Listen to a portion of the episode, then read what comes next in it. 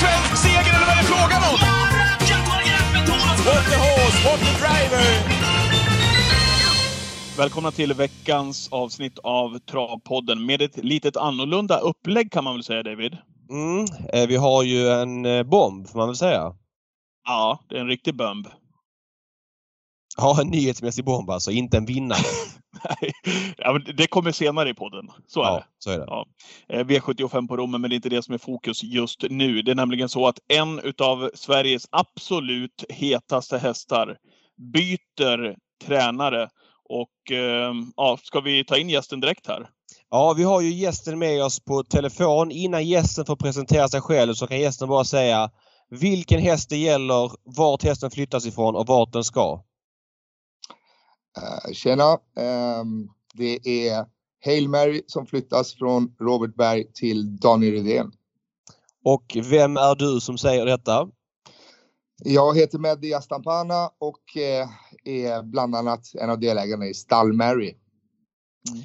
Varför väljer ni att flytta Hail Mary? Uh, vi flyttar faktiskt inte bara Hail Mary utan vi flyttar alla våra hästar och avslutar ett samarbete med Robert Berg. Uh, men du med det, det här slår ju ner som en, uh, ja men som vi precis sa här, en, en travbomb i alla fall. Uh, där en av de ja, stora snackhästarna av förståeliga skäl flyttas alltså. Vad, vad kan du liksom säga kring det här? Ja, alltså det, det är liksom mycket som har hänt under året med både Hail Mary och andra hästar och först och främst vill jag ju säga att eh, vi är otroligt tacksamma för allt det vi har fått uppleva tack vare Robert Berg och Hail Mary och alla skötare. Eh, men eh, nu känner vi att tiden är kommen för att anta oss nya utmaningar. Kan du vara lite mer konkret? Vad, vad är det som inte har stämt? För det är ju alltid ofta så. Det är något som inte stämmer när man väljer att flytta alla sina hästar. Ja, men jag tror inte det är någon hemlighet att Hail Mary inte har gjort en supersuccésäsong eh, i år. Liksom, eh, och det har ju varit, eh, det har varit lite småskador och några felbeslut och så vidare. Så att, eh, men det här, har, det här är eh, liksom ett beslut som har växt fram under årets gång. Eh, och nu så kände vi att nu, nu behöver vi göra någonting. Eh, jag vågar inte sitta kvar och chansa på att vi får ett år till som inte är särskilt bra. Hur har, dialogen varit, hur har dialogen varit här under det här året då? När du har sagt så här, det är någonting som har vuxit fram. Hur har dialogen sett ut med, med Robert? Jo, men Robert har ju liksom, eh, vi har ju pratat väldigt mycket och eh, jag tror att, jag tror att vi får två olika historier om du frågar mig och om du frågar Bergan. Okay. Men, men eh, liksom det, det vart ju en soppa kring Elitloppet och han skulle starta eller inte starta. Och, och redan där så liksom kom vi lite i kant med varandra. Eh, men sen så... För att? Jo men tanken var väl inte... Jag, jag var ju tydlig om Elitloppet att det är liksom en barndomsdröm som jag, jag har haft och det är säkert att de andra eh, delägarna också har haft då. Eh, men jag har varit tydlig med att vi måste inte starta Elitloppet om, liksom det, om det inte är det bästa för hästen. Eh, det, det, har jag sagt till Bergan liksom, ja, länge. Men sen så kändes det som om han var ute och liksom ville prova ändå. För vi startade, vi gjorde debut tidigare än vad vi hade bestämt. I Boden där i början av maj när det var snöstorm typ? Ja, precis. Och, eh, och, och, det var mycket som liksom tydde på att vi siktade mot Elitloppet. Och sen när han vart avstängd i Umeåker tror jag att det var. Mm. Så vart det, eh, så vart det, så stängde han ju dörren eh, ganska fort där. Och då vart vi lite osams om, om sättet som han gjorde det på. Okej. Okay. Så du, du hade gärna, eller ni i ägargänget hade gärna sett att han, han fortsatte sikta mot Elitloppet men med en annan kusk? Nej, det, eh, det är inte riktigt det är inte riktigt eh, det som är problemet utan problemet var att vi hade en dialog efter loppet eh, och eh, då önskade jag att han skulle avvakta med ett sådant beslut, alltså att inte starta Elitloppet ett par dagar. För att jag ska känna att ja, men beslutet är inte fattat på känslor. Mm. För vi pratade ganska tätt in på loppet då. Men tyvärr så vart det inte riktigt så utan det kom ut i tidningen ganska fort att startar inte Får inte jag köra hästen så startar han inte Elitloppet. Men sen var det ju andra saker som kom däremellan också. Att hästen kanske inte var i 100% i form och, och så vidare. Så, men det blev fel som sagt i kommunikationen och det uppskattade jag, inte jag. Jag får bara återberätta som hände lite grann. Eh, Hail Mary startade alltså på Åby eh, den 8 maj. Boden-starten var i början av april, jag sa fel där. 8 maj startade han på Åby, var två bakom Rotate. Sämre insats, borde ha vunnit, kom till spets enkelt och allt det där. Efter det så var han klart bättre på Umeåker. Eh, en vecka senare då var han nära att plocka ner Don Fanucci sett från dödens. En Don Fanucci som kanske var lite nedtränad inför Elitloppet men han var klart bättre än på Åby Hail Mary och det var där Bergen drog på sig en avstängning för drivning och det fick han reda på för att i intervjun efter loppet då öppnar han lite halvt för Elitloppet. Men sen typ i bilen på vägen hem så får han reda på att han är avstängd över Elitloppshelgen för att han drog på sig en bot. Umeåker som var två veckor innan den avstängningen infaller Elitloppshelgen. Och då får han inte dispens att köra Elitloppet eftersom det var en drivningsföreteelse och då sa han direkt nej till Elitloppet. Och det var det du inte gillade menar du? Ja, det jag inte gillade var att vi kom överens om att vi inte skulle ta ett snabbt beslut. Men, men det vart någon form av misskommunikation. Och det här har du givetvis sagt till Robert Berg, det har ni pratat om under året att du var missnöjd med det här. Hur har det här tagits emot och hur har den här dialogen sett ut? Efter jo, men vi, har, vi har pratat om det, vi pratade ut om det och vi var, eh, jag var väldigt, väldigt besviken eh, just då, några dagar efter då. Eh, men vi pratade ut om det för jag tyckte inte att, alltså det är ju, i slutändan är det ju våran häst. Jag menar, det är han som sitter på kunskapen om hästen är redo eller inte. Men, men man måste liksom vara överens i, i kommunikationen att om vi tycker att man inte går ut direkt efter loppet och säger att vi kommer inte starta. Då tycker jag att man ska respektera det. Men, men som sagt, det här, är ju något, det här är ju inte beslutet, alltså anledningen varför vi flyttar hästen. Utan om man tittar på andra halvan av året så tycker vi inte att det har fungerat med, med hästen och då känner vi att vi vill testa någonting nytt och ja, så ligger det till. Men då måste jag, jag fråga, vänta, vänta, vänta, vänta, vänta, vänta Patrik. Då måste fråga, hur är, alltså hästen har haft en skadeperiod under året och så vidare. Hur mycket av det är tränarens fel? Jag menar, den kan bli skadad hos alla tränare. Det utrymmet måste väl finnas hos en häst att den kan bli skadad? Jo, ja. absolut. 100 procent. Ja, man, kan inte, man kan inte belasta Robert Berg Eh, jag kan inte sitta som hästägare och okunnig dessutom sitta och belasta Robert Berg för någon skada som hästen har fått. Det, det kan jag absolut inte göra. Men om man tittar på helåret så känner jag bara att det här är absolut inte godkänt och vi har inte råd med ett eh, till sådant år, inte med en så här fin häst. Eh, och det där är spännande det du är inne på nu tycker jag med det. Eh, när man följer då eh, era framgångar från sidan som få hästägare ju får uppleva, det är vi överens om. Mm. Eh, vinna derbyt till exempel. Till exempel. Eh, tjäna eh, nästan 7 miljoner kronor bara under en säsong. Eh, under 2020. Eh, och totalt då sprungit in 7,6 miljoner kronor och fem år gammal. Då tänker jag eh, från sidan, ja men här finns det ju ändå här finns det ju ändå ett kapital av några misslyckanden att ta ur, om du förstår vad jag menar. När man har haft sådana framgångar att är det rimligt att tro att det hela tiden ska gå på räls? Nej, det tycker jag absolut inte att man ska förvänta sig att dra in 7 miljoner varje år eh, eller att vinna massa lopp varje år. Men, eh, men vi har ändå tagit det beslutet när vi, när vi har tittat igenom det här året, tittat tillbaks till det här året så har vi känt att det har inte riktigt känts bra i kommunikationen eh, vid flertal tillfällen och vi är ju inne i det här för att det ska vara kul. Det ska vara roligt och eh, nej, det känns inte som det känns inte som det har fungerat bra. Jag ska, jag ska säga att jag är, jag är som sagt otroligt, otroligt tacksam för allt som vi har fått uppleva tack vare Robert Berg.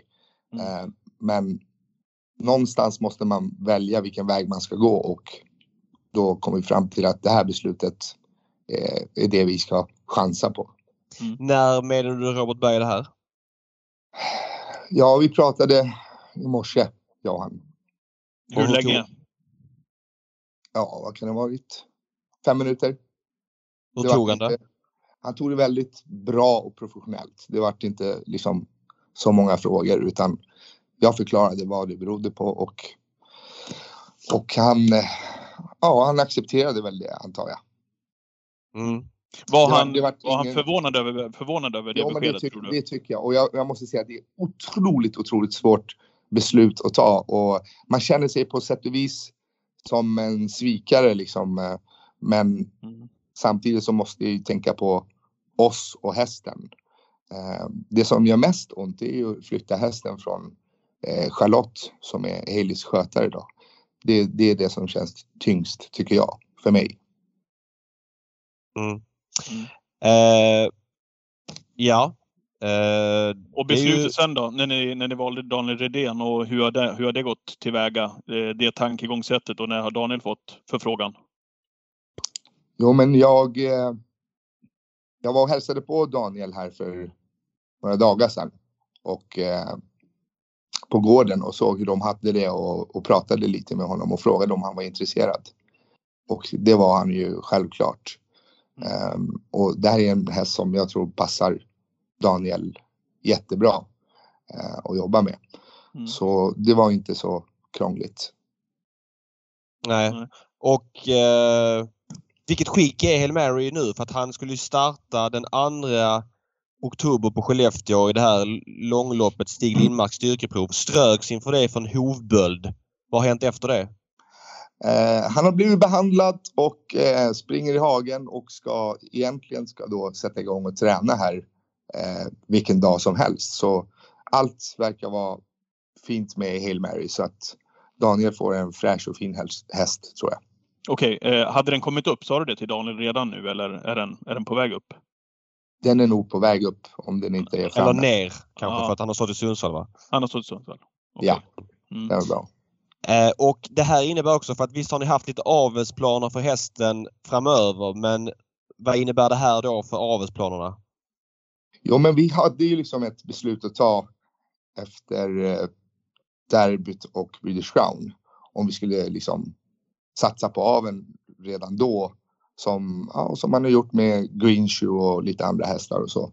Men, men jag menar, vi älskar ju tävlingsbiten och, och det kan ju vara ett ekonomiskt dåligt beslut i slutändan. Men vi vill ju ge hästen liksom de bästa förutsättningarna som det bara kan, den bara kan få eh, genom att fortsätta tävla och inte satsa på aven.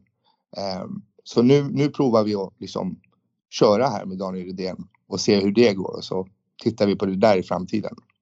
Eh, jag måste bara fråga. Ni, hade ju, ni gjorde en väldigt stor satsning hos Robert Berg för två år sedan när ni köpte in ett tiotal, eh, 10-15 ettåringar på auktion. Det var ju flera spektakulära köp det året. Alla de hästarna köptes ju till Robert Berg. Eh, men flera har under senaste året portionerats ut Eh, så det är inte första gången ni flyttar en häst från Robert Berg men det är kanske är stor skillnad på att flytta någon som har galopperat två gånger i rad och tjänat noll kronor och förra årets fyraåringskulls bästa häst. Hur har den dialogen sett ut med tidigare flyttar? Ja, men alltså, vi har ju låtit Robert Berg bestämma eh, vilka hästar som duger och inte duger. Eh, vissa har jag väl känt att ja, men den där skulle jag faktiskt vilja testa hos en annan tränare. Mm. Och då har jag gjort så. Eh, och de andra som inte som Robert tyckte att vi skulle sälja, då har vi sålt dem. Liksom. Eh, tyvärr har inte den satsningen gått liksom, superbra. Men så är det ju i den här branschen. Samtidigt som man buntar ihop allt så fick ni också köpa Hail Mary. Det var väl var det Robert Berg som rekommenderade Hail Mary va? Ja, vi tog, vi tog faktiskt en middag med Robert Berg eh, när vi skulle köpa häst. Mm. Då hade han med sig en perm med två hästar. De här två eh, har jag. Vilken vill ni ha? Då tog vi båda två och ena hette Fugazi Mary som gjorde tre starter, eller sex starter och vann tre lopp. Eh, men sen så tyvärr så vart den sjuk och fick avlivas. Och den andra var då Hail Mary så ja. Så ja. Mm. Uh, ja, nej men det är också eh, en del av alla köp man gör. Att man, tar man bort Hail Mary från alla hästarna köpt så kanske det har varit sämre men lägger man till honom som en liten pusselbit så blir det den där tunga på vågen kanske.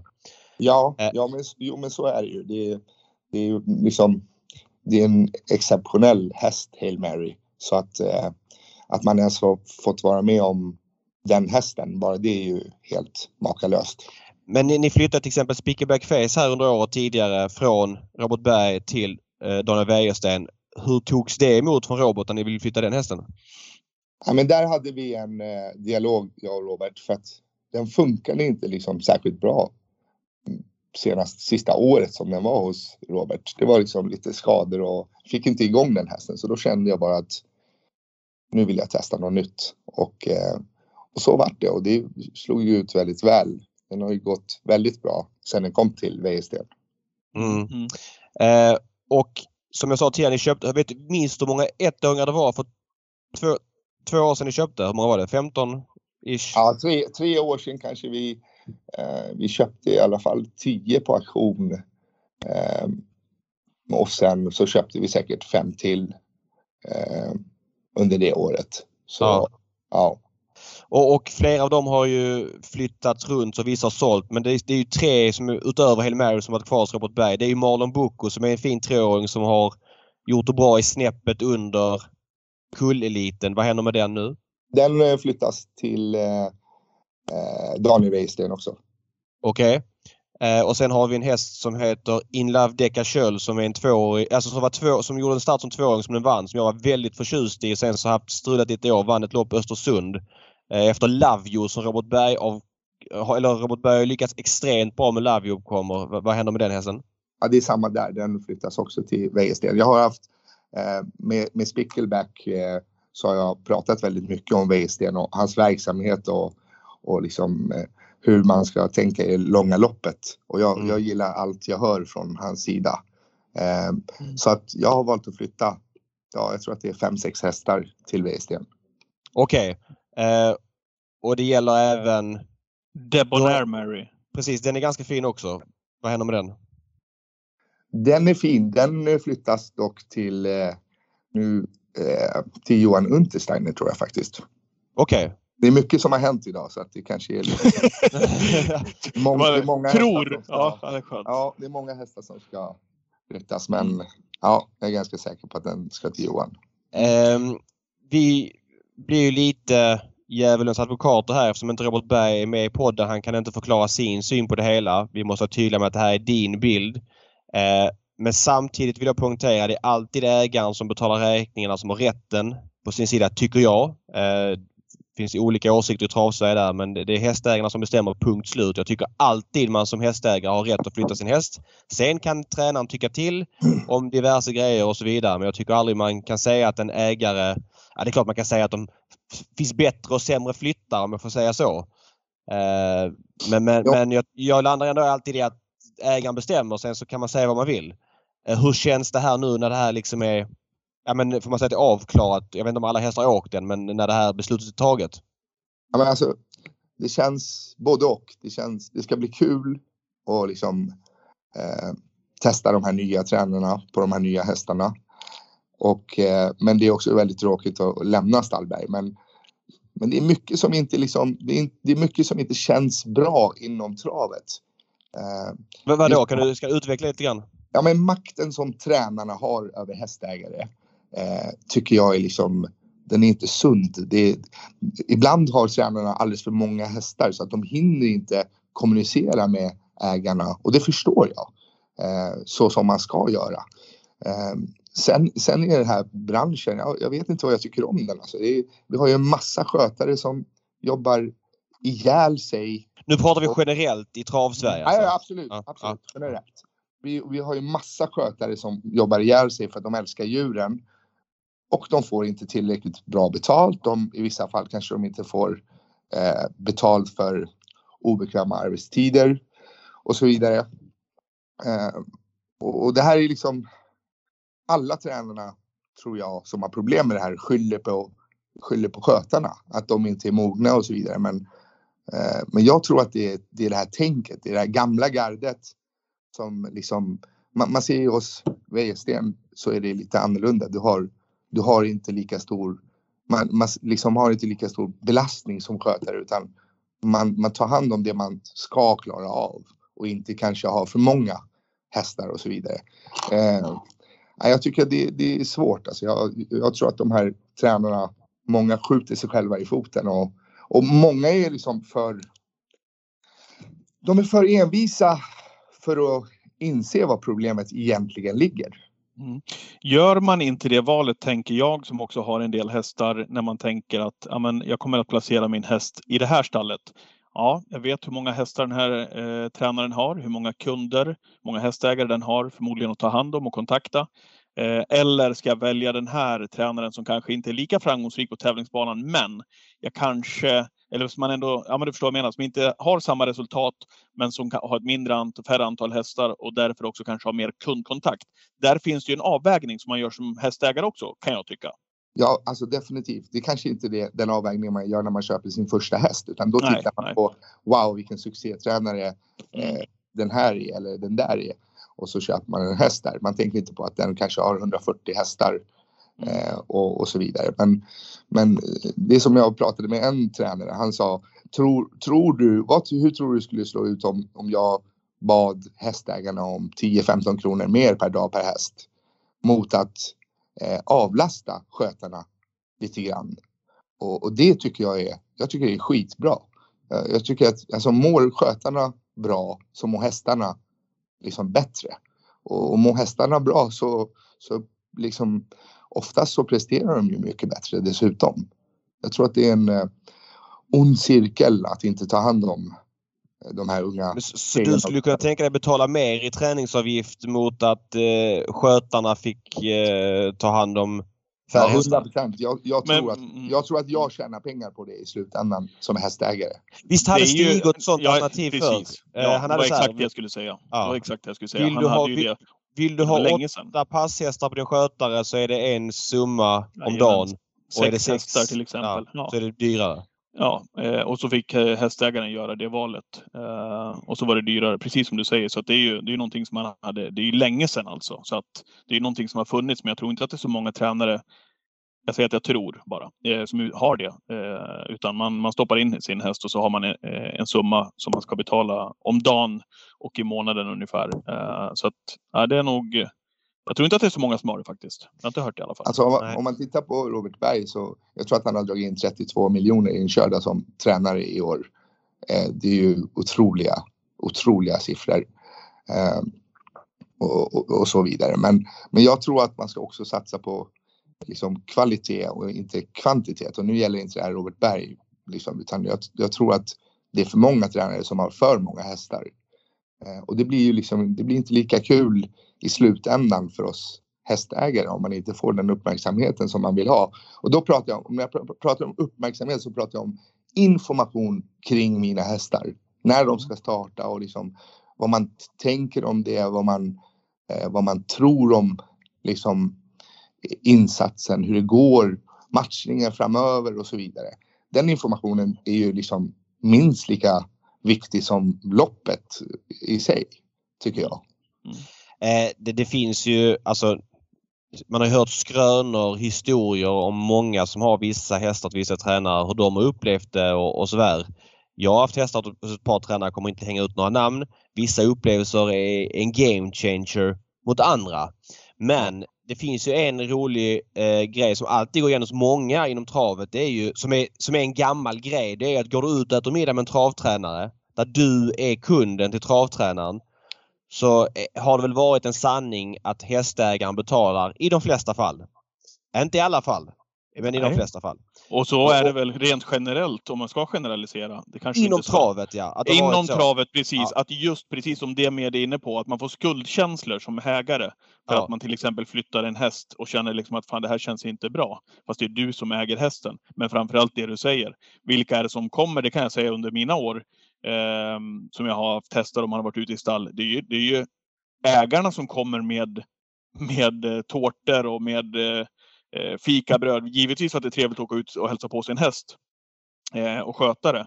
Eh, och tränare också. Men det är ofta de som kommer med presenterna till tränaren och istället för tvärtom. Vilket är nästan unikt skulle jag vilja säga, travbranschen. Mm. Ja, Och Det jag, är, jag, det jag, är så här, märkligt. Eh, och, och jag säger också så här, om hästägarna, vissa vill ha- ha det så att, menar, ofta är ju många stora hästägare ganska rika och då eh, ekonomiska förhållandet mot, häst, mot tränaren kanske är jättestort och det kanske ter sig naturligt att ägaren vill bjuda ut. Jag säger inte att det är något fel i det. Eh, jag, jag vill verkligen poängtera det. Men det har funnits en balans där travtränaren haft en stark position. Eh, så upplever inte jag att det är på samma sätt längre eh, med de tränarna jag har kontakt med numera. Det finns olika, det finns eh, delar av allt och så vidare. Men äh, ja, ja, det där är intressant. Men jag måste bara säga, fråga. Du sa här att den delen av branschen var du lite less på. Det kan man väl skriva under på. Samtidigt har du fått uppleva som hästägare någonting som eh, vi andra, eller jag i varje fall, eh, jag, mina hästar travar de är jag nöjd liksom. Så långt har jag kommit i mitt hästägarskap eller säga. Du har fått vinna Svenskt Travderby eh, med en häst som, eh, som eh, ja, därmed blir avelshingst och allt vad det innebär. Nu får vi se då om han kan upprätthålla. Det är klart att hans lite kungakrona eller vad man får säga fallit på sned i år med tanke på säsongen han har haft. Men framöver då om, om Redén får ordning på honom att det kan finnas ett stort intresse för honom i aveln. Vad säger du om det när du bakar in den, de känslorna i det du upplever som kanske lite tråkigare med att äga häst? Nej men alltså resan vi har fått göra med Hail Mary och eh, Robert Berg den har varit eh, Alltså det går inte att beskriva den. Det är, det är nog det bland det största som har hänt mig att vinna derbyt och, och sen British Crown på det också. Och på det sättet den gör det mot mm. de hästarna och så vidare. Eh, och, och, kommer vi någon dag till avisbiten så blir, ska det bli jättekul att följa liksom eh, de hästarna, de avkommorna som kommer. Men det är svårt, man måste ju man kan inte liksom, man måste leva här och nu och försöka ta det beslut som känns rätt i hjärtat. Och, och det här beslutet känns liksom rätt i hjärtat för att jag måste liksom eh, jag står för vissa saker och, och, och, nu tog jag det här beslutet för att liksom hålla fast vid mina principer om man säger så. Mm. Mm. Nej, och vi, vi, ska återigen säga det. Robert Berg är inte med i podden. Han kan inte ge sin version. Du berättar eh, hur du upplever det. Varför du vill flytta hästarna. Det finns ingenting här som du... Alltså resultaten för hästen talar för sig själv i år. Eh, och sen om det beror på skador eh, och etc. Det, det, är klart att... Alltså jag vill verkligen betona det att om, om, vi säger då rent hypotetiskt att hästen blir opererad här nu. Hur ska han kunna starta då? Då finns det ju en anledning till det. Men, men du bakar ja. in en, en helhetsupplevelse för vad du, eh, utan att gå in på detaljer, liksom, vad du känner. Ja, ja men exakt. Jag har ju hästar hos andra tränare också och, och, och, den kommunikationen jag har där är ju, tycker jag, är liksom, det gör ju att travet blir roligt. Ja. Eh, och så vidare. Så att, eh, men vi får se vad, vad framtiden har att erbjuda. Men, men som sagt, jag är otroligt tacksam för allt som vi har fått uppleva med Hail Mary eh, mm. hos eh, Bergan och kompani. Ja, alltså nu ska jag inte säga, säga, ingenting om tränarna som de ska till. För det är, det är ett nytt kapitel vi får se det blir. Men det är ju en, en tränare du lämnar vars resultat eh, i de sista 25 åren i travsverige är topp, topp. Ja, absolut. Och, och, dels, dels är det det. Dels är det att det är rätt nära liksom. Eh, det är mycket närmre oss eh, som bor här i Stockholm. Eh, så vi kan åka och hälsa på hästen oftare. Ja. Samtidigt är det en framgångsrik tränare. Ja absolut, ja, men det, det säger inget om de nya. Jag vill bara, alltså, eftersom inte Berg är här så måste jag ta lite hans parti liksom. Det blir ju så. Jo men alltså jag, jag, jag, jag tänker inte att det här handlar om att ta någons parti för att eh, liksom jag som hästägare känner att nu är det dags att, att ta, göra liksom, ta nästa steg. Eh, för det här funkar inte och, jag skulle inte förlåta mig själv om, om vi hade ett till år som vi har haft liksom i år med Hale. Eh, och, och, jag är lite av en gambler så att jag, vi bestämmer att vi, vi gör så här och, och sen liksom blir det pannkaka, ja, då får man ju stå där. Så är det bara. Men, men ja. man måste ju få, man måste ju få, man måste våga i livet och, och jag tror att det här blir bra för att det här är ju en otroligt, otroligt liksom bra häst. Jag tror att det här blir toppen. Mm. Ja, Mehdi, eh, du ska ha ett stort, stort tack för att du berättade om den här nyheten för oss och att ja, du berättar din syn på hästägarskapet som jag delar av det tror jag vissa kan skriva undan på och även de grymma stunderna. Även om mina hästar mest galopperar så har någon vunnit lopp någon gång och det är grym känsla jag menar, jag kan inte ens stava till att delta i ett lopp som derbyt och sen bara vinna det med den superinsatsen som Hail Mary gjorde förra året. Så att, eh, eh, ja, det ska bli spännande såklart att följa alla hästars utveckling. Det är inte bara Hail Mary. De här tre vi snackar om är ju flera av dem väldigt fina men såklart att Hail Mary är kronan på verket. Ja exakt. Vi har ju, jag tror att vi har 16-17 hästar eh, och, och, många är väldigt intressanta men, men Hail Mary är ju en, det är en stjärna så att mm. det ska bli kul att se vad som händer i framtiden här. Ja, Tack så mycket Medi för att du var med oss så håller vi connection. Absolut, mm. tack grabbar. Tack, tack. Ha det bra. Hej hej. Ja, vad säger du om det här då David? Hail Mary flyttas till Daniel Redén. Vad, vad får du för känsla? Vad tänker du kring det här? Ja men allt innan någon häst som en tränare har byggt upp själv. Det här är Robert Berg som har ju format den här hästen helt och hållet. Så tycker jag synd om den tränaren. Jag kommer inte ifrån det. Jag tycker att eh, ja men jag kan känna att ja, men det är en skilsmässa som liksom ett barn som skiljs från sin förälder lite grann. Eh, vissa hästar har en viss identitet. Eh, så är det bara. Ungefär som att Kopiar skulle flyttas från Erik Berglöf efter eh, en säsong. Men du fattar liksom. Mm. Det, det, känns otänkbart för den här hästen har förknippats med Robert Berg länge och varit framgångsrik där. Samtidigt så landar jag i att ägarna är fria att göra vad de vill. Året har varit ett misslyckande sett till vad han har gjort tidigare. Sen kan man alltid... Då kommer väl alla år vara misslyckade, tänker jag. Ja men, ja, men exakt. Man kan brotta ner till, till varför det är eh, ett misslyckande. Men jag landar också i en tredje tanke att eh, den här topphästen hos Daniel Redén. Det finns väl ingen tränare i Sverige som sista tio åren har varit bättre framför allt på äldre elithästar. Eh, förädla, bygga upp, träna upp, matcha än vad Daniel Redén har varit. Han har ju haft ett eget stall som har kunnat vara med i Elitloppet varje år. Mm. Eh, och, och, och, det är klart att den grejen kittlar enormt mycket. Eh, så är det. Sen kan inte alla hästar tränas av Daniel Redén som är elithästar. Det vore ju såklart orimligt. Mm. Men det här är en av de som har högst kapacitet. Hans derbyseger förra året var långt över vad en vanlig derbyseger var. Nu drunknar den lite eller hamnar lite i skymundan för att Calgary Games i år gjorde något ännu värre.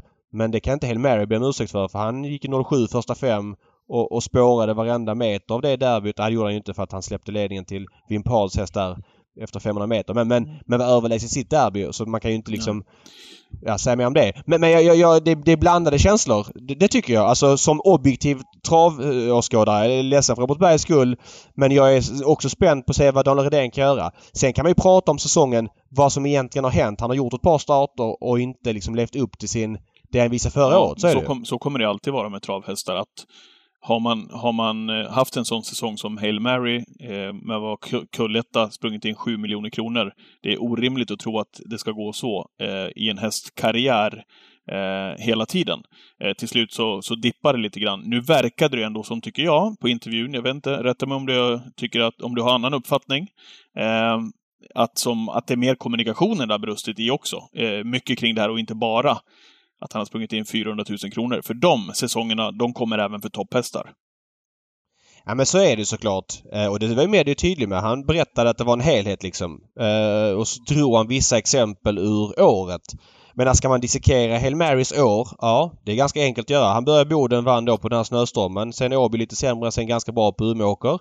Sen var det en paus inför Östersund och där tycker jag, som jag sa då, att Robert Berg gjorde ett misstag. Innan jag säger det vill jag spå tillbaka och säga att Robert Berg som gästade vår podd i våras sa ju det att han gjorde själv ett misstag. Eller så här. Jag kommer inte ställa av hästen som han gjorde flera gånger för han var väldigt svår att få igång mm. efter förra årets succésäsong. Väldigt...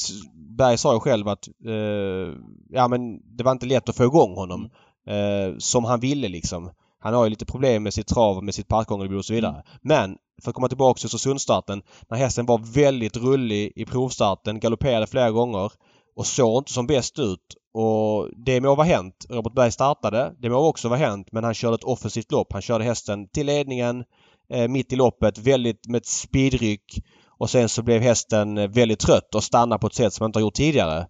Det är klart att en sån upplevelse för hästen eh, kan vara jättenegativ och det var ju något nytt som den hästen inte hade gjort tidigare så där hade jag som ägare också varit besviken över den styrningen den dagen. Sen studsade han tillbaks, vann det här Ådalspriset på Dannero Eh, och sen var det då galoppen i jubileumspokalen. Eh, där han galopperade som slagen. Där han, där han inte öppnade från start som han borde ha öppnat tidigare. Det hörde man också på Robert Berg inför det loppet att han, ah, han har inte honom riktigt där han vill ha honom. Eh, och så var det då strykningen i, i Stig Lindmarks styrkeprov. Eh, vänta. Vad säger du själv om säsongen? Nej, men det är, väl, det är det som jag säger här, att om man sprungit in 7 miljoner kronor beror på var man sätter ribban. Det är klart att de är besvikna över att hästen inte... Jo, men vi måste ju ha den ribban. Vi måste ju ha ribban att en häst som öppnar 07 i 500 meter i derbyt och, och, och vinner derbyt på, mm. på 12,8 liksom. 2,6. Ja. Men, men att det inte kommer att... Eh, bara för att du är en topphäst så innebär det inte det att per automatik att varje säsong är superframgångsrik, utan det kan ju bli vissa dippar Eh, även i den. Ja, men vi, vi gör så här David, för att precis nu när vi sitter och pratar om det här så får jag faktiskt ett sms ifrån Robert Berg där eh, han vill ge sin syn på det här också, men inte här via Skype och inte via den här intervjuformen som du och jag normalt sett har. Så jag kommer ringa upp Robert nu på min mobiltelefon. Då kommer inte ljudet bli precis vad det brukar bli. Inte samma kvalitet, men eh, ni får väl ta det som erbjuds här. Så jag ringer Robban eh, istället så får vi lyssna på vad, vad han säger om det här ifrån min telefon. Håll till godo. Ja, Robert. Hail Mary flyttas ifrån dig, berätta Meddi. Vad, vad är din känsla och tankar kring det här? Ja, tråkigt nog. Första tanken är väl att jag har känt av det de sista månaderna. Att, eh, det har varit någon mysk och, över situationen, eh, men samtidigt också över året har jag känt att jag inte riktigt nått fram. Jag berättade redan efter British Crown i fjol att eh, femårssäsongen blir tuff och att jag vill ligga lite lågt och gå för resten av karriären lite hårdare, sexåringssäsongen och framåt liksom. Och inte ta det för givet så mycket. Och, ja, och de andra hästarna tycker jag presterar bra, men vissa hästar kan säkert vara bättre hästar. Och sen har vi jobbat kontinuerligt med att fräscha upp dem och göra dem klara för fyraårssäsongen. Så att eh, det är lite surt på många sätt, men givetvis är det ju tufft att jag litar för mycket på Meddy och Robert i, i början. Det var två goa killar som ville verkligen satsa på travet och eh, ja, jag ville verkligen ge dem chansen på några bra hästar då hos mig och de fick köpa två fina hästar och det var bland annat Tailmare och sen har de satsat vidare men ja, det är ju jag hade en långsiktig mål att de skulle göra som jag sa med släppa sämre hästar och köpa intressanta hästar som jag tyckte liksom. Och ja, resan har ju blivit så nu. De lämnar mig med ett värde på 30-50 miljoner och... Mm. Ja, du, tänk, bli... du tänker som avelshingst då? Ja, givetvis. Och det är en karriär kvar för många, alla av hästarna. Och, oavsett hur... Ja, det ligger någonstans där liksom. Så att, eh, den, den målbilden jag hade åt dem för fyra, fem år sedan, den, den stämde ju liksom, men ändå räcker inte liksom. Det, ja. Vad, det är en blandning det där. Vad man säger du om... Känna... Mm, fortsätt. Ja, det är en blandning av att man kanske man tycker att man lär känna människor och man förstår människor, men det gör man ju inte liksom. Utan givetvis så ångrar man sig mycket, det är just med själva affären. Givetvis hade det varit roligt för mig, Hale och framförallt Charlotte att jag har fått levt med Hale kvar i stallet liksom. Utan det är i stort sett är det ett stort misstag av mig och, och trodde på historien liksom. Så är det ju. Men har, har, du, har du några tankar kring den säsongen som Hail Mary har bakom sig? Om det Um, hur den har sett ut och att det kan, kan vara en anledning. Sett också det till då Medial sa precis här att kommunikationen har inte varit den han eller ägargänget har velat. Vad, vad känner du kring det? Ja, jag har varit ruskigt tydlig. Jag, tror inte, jag vet inte hur många gånger jag var tydlig med allt jag vill säga, säga. Alltså oavsett hur mycket vi pratar så har jag avel. Jag berättat om eh, de till och med de älskar månadsutskick och den får de varje kontinuerligt.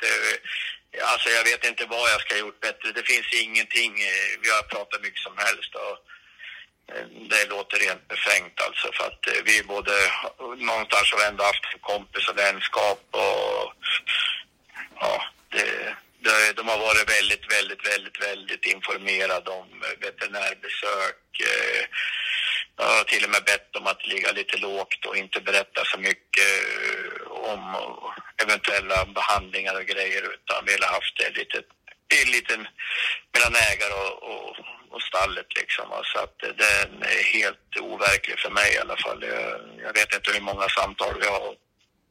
Ja, den lite dyster öra också i plus flytten att någonstans att jag ska vara någon skyldig också i det sammanhanget. Det låter väldigt eh, mer dystert i sammanhanget.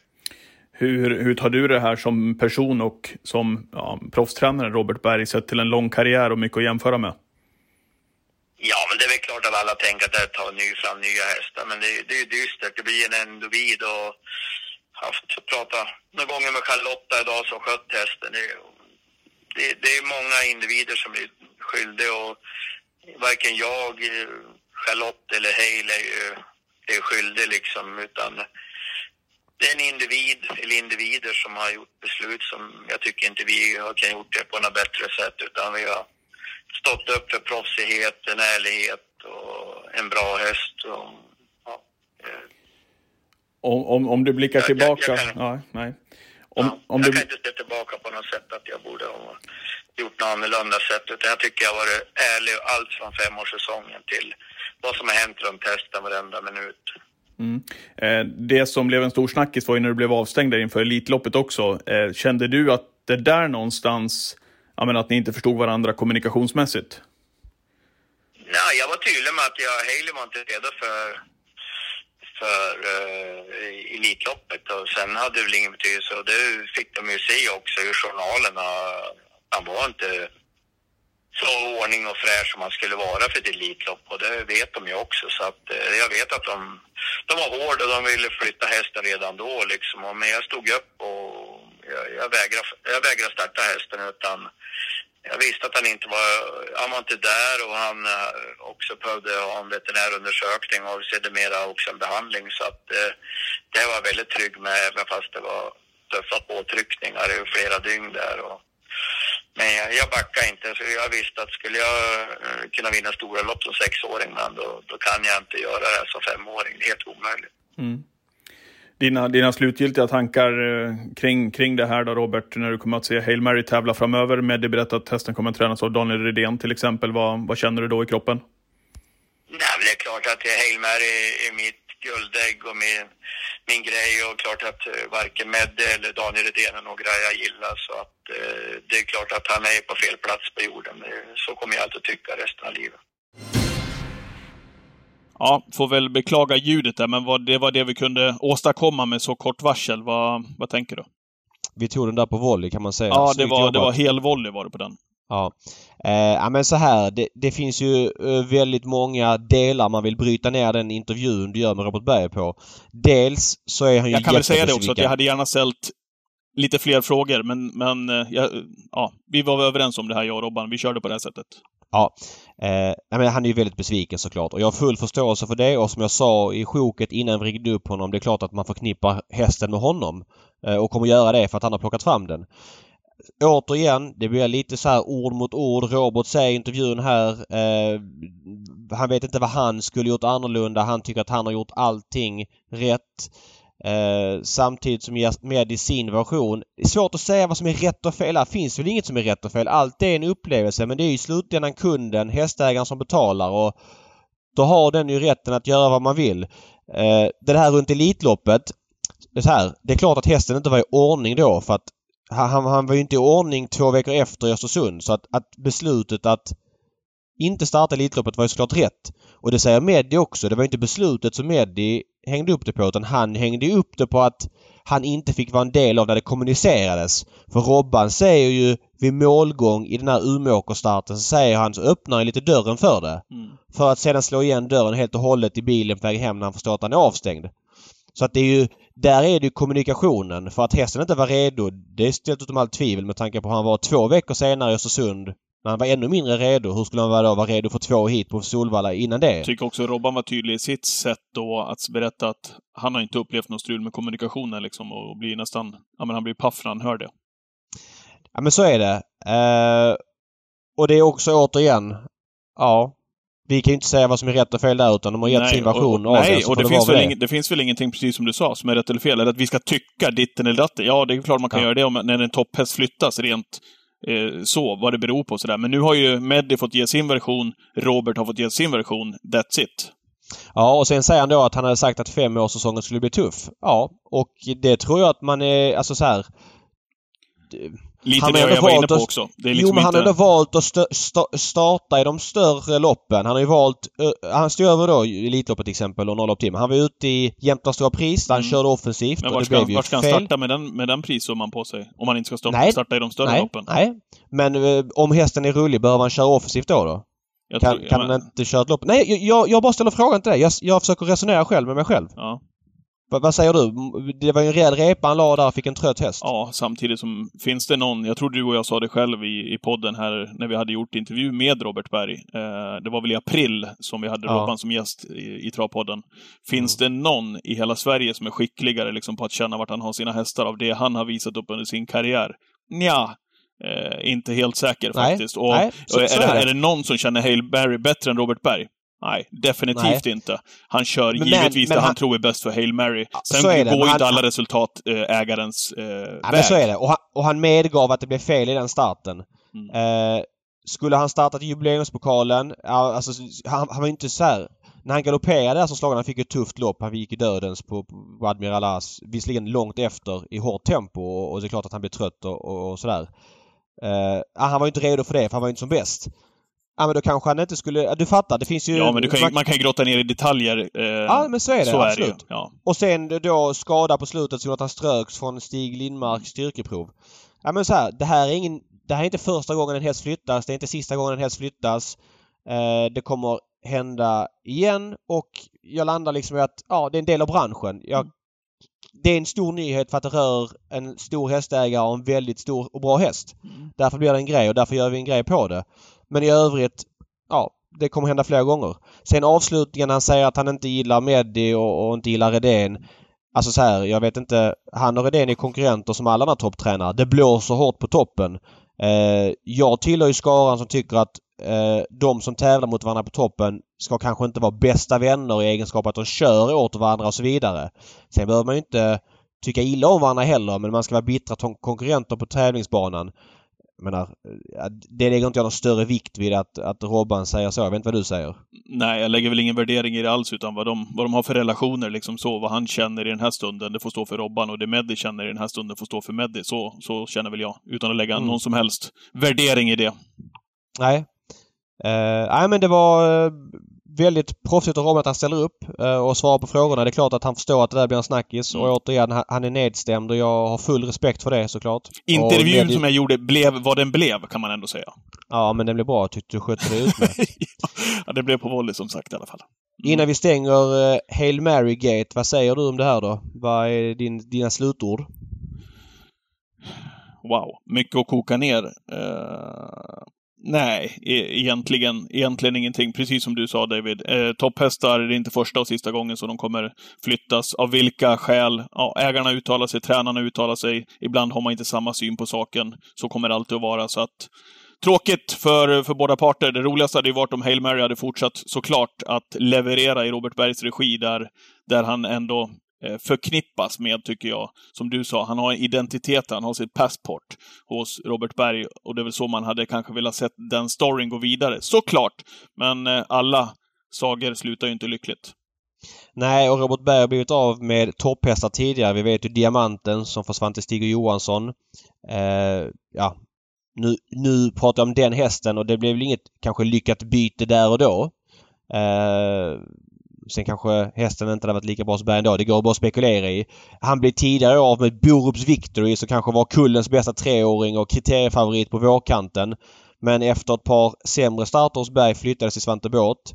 Där han eh, ja, är långt ifrån den formen han visades hos Robert Berg. Sen om det beror på att hästen kanske har haft någon skada eller sjuk, det kan inte jag svara på. Men han visar ju redan de tendenserna i slutet hos Robban. Så att Robert Berg kommer fortsätta ta fram topphästar eh, på löpande band, precis som han, som han har gjort med de här hästarna som du nämner nu. Eh, det är mm. liksom ingen tillfällighet, utan han kommer fortsätta att leverera. Sen tveklöst, var det ingen tveklöst. kul att det, att det tog den här vändningen såklart, men det tycker ju ingen.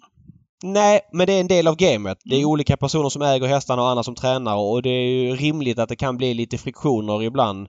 Eh, att man tycker olika och det finns olika kunskapsnivåer bakom besluten. Mm. Och det blir så. Samtidigt Ja. som jag sa det här tidigare också, vilket jag står för, jag, jag kan också uppleva eh, det som Mehdi sa, eh, rent generellt, att hästägaren, det liksom ska komma själv ungefär med, med kakan i hand till tränaren istället för tvärtom. Eh, ibland så undrar man vem som är, vem som är kunden. Eh, det kan jag känna, men är det inte ofta, eller är det därför, eller det, om jag säger så här, är det inte ofta det är strul kring de här topphästarna? Eh, eller liksom, när det har Jo, det är gått klart. sjukt Ja. bra, så, Ja. ja. men, så spänns ju bågen och man får såna Ja, otroliga förväntningar. förväntningar och tror att Ja. men så här ska varje säsong vara, för det är den hästen vi har. Nej, så riktigt är det ju inte.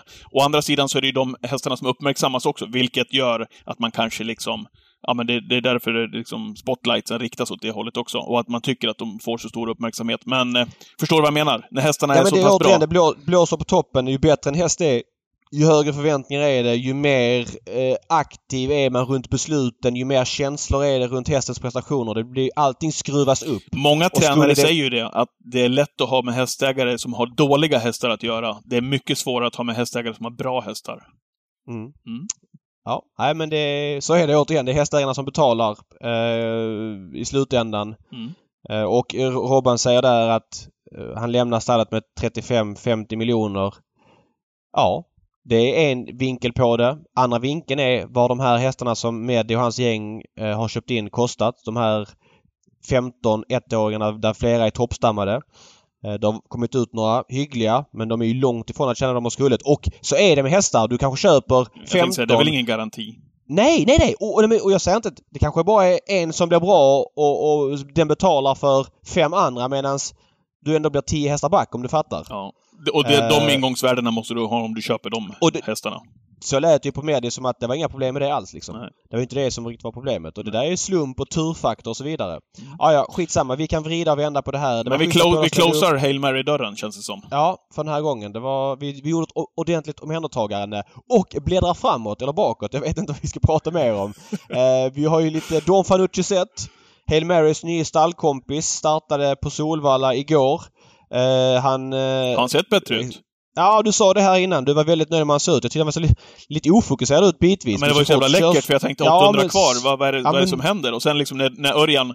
Det är så skönt också när Örjan bestämmer sig bakom Don Fanucci. Så att han körde ju ett lopp här uppe i Rättvik som var ren preparé här eh, tidigare, var det, var det i somras va?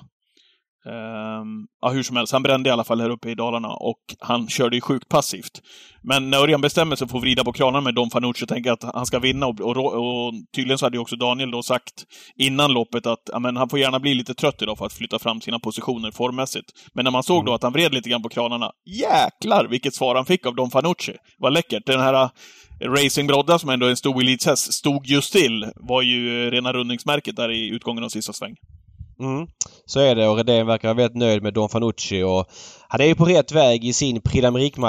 Prix får ju, även om det är kul med Facetime Bourbon och, och att det är ett av världens största Mm. lopp, så blir det ju såklart en krydda till med svenska hästar som liksom är med och slåss om det. Ja, och, och, och då kanske kan man kan tycka så här också, eh, apropå prestationen, hur han såg ut innan du fortsätter resonemanget där David. När jag säger att han såg bättre ut än någonsin, ja, med skor och sulor och allt vad han Mm. gick med, med sin tunga balans. Det var ju långt ifrån den här racerbalansen som, som man kan gå med Don Fanucci sätt och ändå såg han så där ut som han gjorde. Ja, jag var, jag var mäkta imponerad måste jag säga.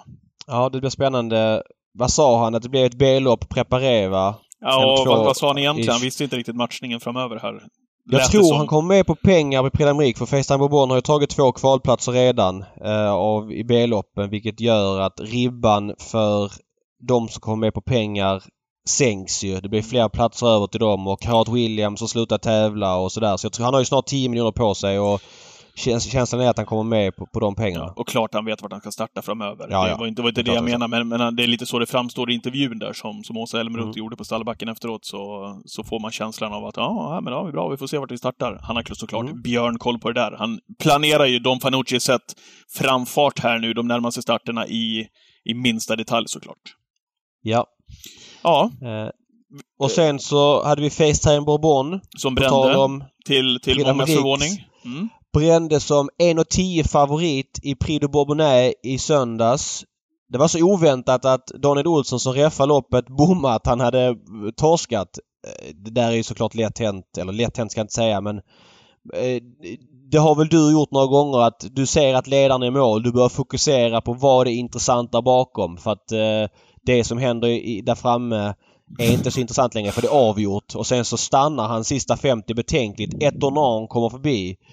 Och, och Olsson missade att eh, Etonan gick förbi. Mm. Sen såg han då på reprisen skulle han släta över det. Det är såklart... Ja, det är sånt som händer i, i, i live-tv. Och jag, jag vet hur det är i den studion de står i där på V75 eh, direktstudion. Det är en bit bort i monitorerna. Jag har stått där själv några gånger så det är inte alltid så lätt att se när man ska reffa de där loppen. Men eh, ja, han torskar i alla fall. Vad säger du om det? Ja, men man vart väl förvånad när det inte fanns någonting där sista 50, 75 meterna, 100 meter in mot mål, liksom, när ett och någon tog sig förbi. Uh, det var ju förvånande såklart att han åkte på pumpen, men det bygger väl upp spänningen bara lite mer inför uh, hans stora favoritskap, som han ju ändå bär inför Prix d'Amérique, kan jag tycka. Jag tyckte den såg fin ut, men ja, det är inte bara att vinna på beställning mot de här hästarna. Det är inte så att han tävlar mot Kreti och Pleti nere på Vincennes, utan det är de bästa hela tiden. Så att, att han åker på pumpen någon gång, uh, det, det kan ju ske den bästa.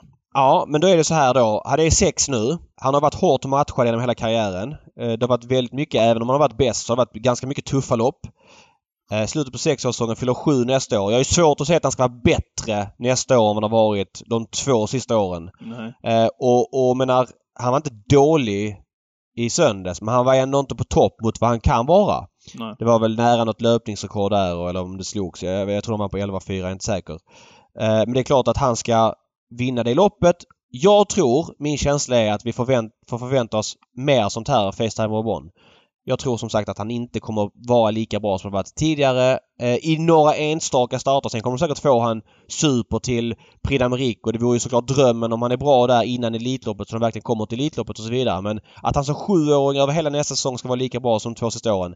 Jag är skeptisk till det. Sen så kanske det räcker att han är 5% sämre och han vinner flera storlopp. Typ Prix d'Amérique ändå. Mm. Det må vara hänt men Ja, nej det, det, där är fysiska lagar som gör såklart att han svårt att upprätthålla den höga nivån han haft så länge. Ja. Ja, så är det. Eh, vi följer Frankrike-loppen här framöver och vi tar hand om, om dem här i Travpodden också, givetvis. V75 tävlas på eh, Romme nu på lördag. Eh, jag kommer du, köra... du vill inte säga någonting om lördagen när det var en ensam vinnare på Åby? Ja, landa in där först då, David. Var... Ja, Nej, jag är väldigt glad att uh, det blev en ensam vinnare. Det var väl uh, väldigt länge sedan det var det på V75. Och, och det började all... så fint med Unico Broline som jag hade sån stark feeling för ju. I ja. ledaren som vi gick igenom i twitchen där. Åh, vilken vad gött den satt.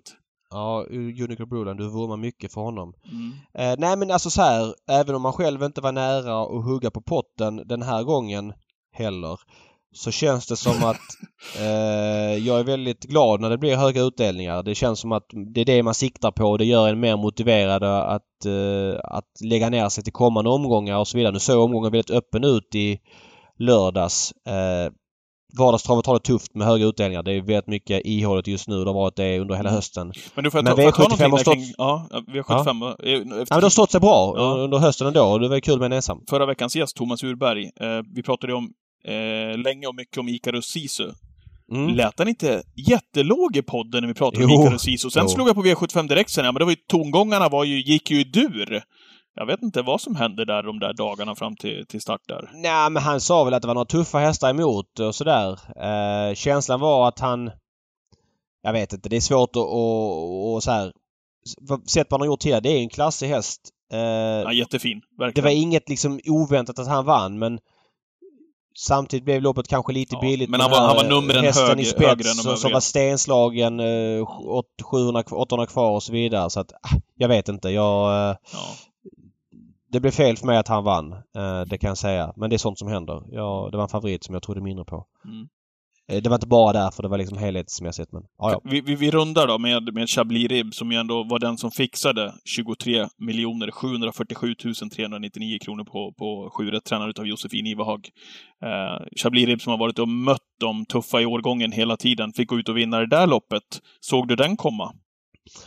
Det sjuka var att jag snackade faktiskt med Jeppson eh, på förmiddagen mm. Eh, och han varnade lite för Chablis Rib. Han sa att hon inte skulle vara helt borta och vilket gjorde att jag petade dit henne. Mm. Eh, jag hade garderat brett där men jag hade faktiskt inte med henne från början för jag tyckte från det läget och, och sådär. Men nej, han tyckte att hon skulle med och det, när det är ett sånt läge tycker jag att de aktivas ord spelar väldigt mycket om. Man har många en, en enprocentare från bakspår som man kanske har gått lite under radarn, som man har bommat, som inte vinner så ofta. Ja. Och så att han lägger till att hon känns fin. Det gör att man petar dit henne. Så att, Och, och just det där, vann- inte underskatta att hon har mött de allra bästa och fått den Nej, hårdheten mot de bästa i kullen. Det får man ju ändå ge henne. För jag menar, inget ont liksom om, om Svesak Palema och Miss Silver, de här som är något år äldre.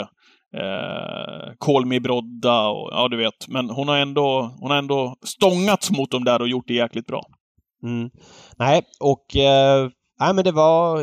Jag vet inte vad jag ska säga mer. Den propositionen är ju väldigt skrä, skrällvänlig. Det är klart att man gillar när det är voltstarter och, och hit och dit och det byggs upp. Men ston, just den här klassen, 1 miljon till 1,5 miljoner.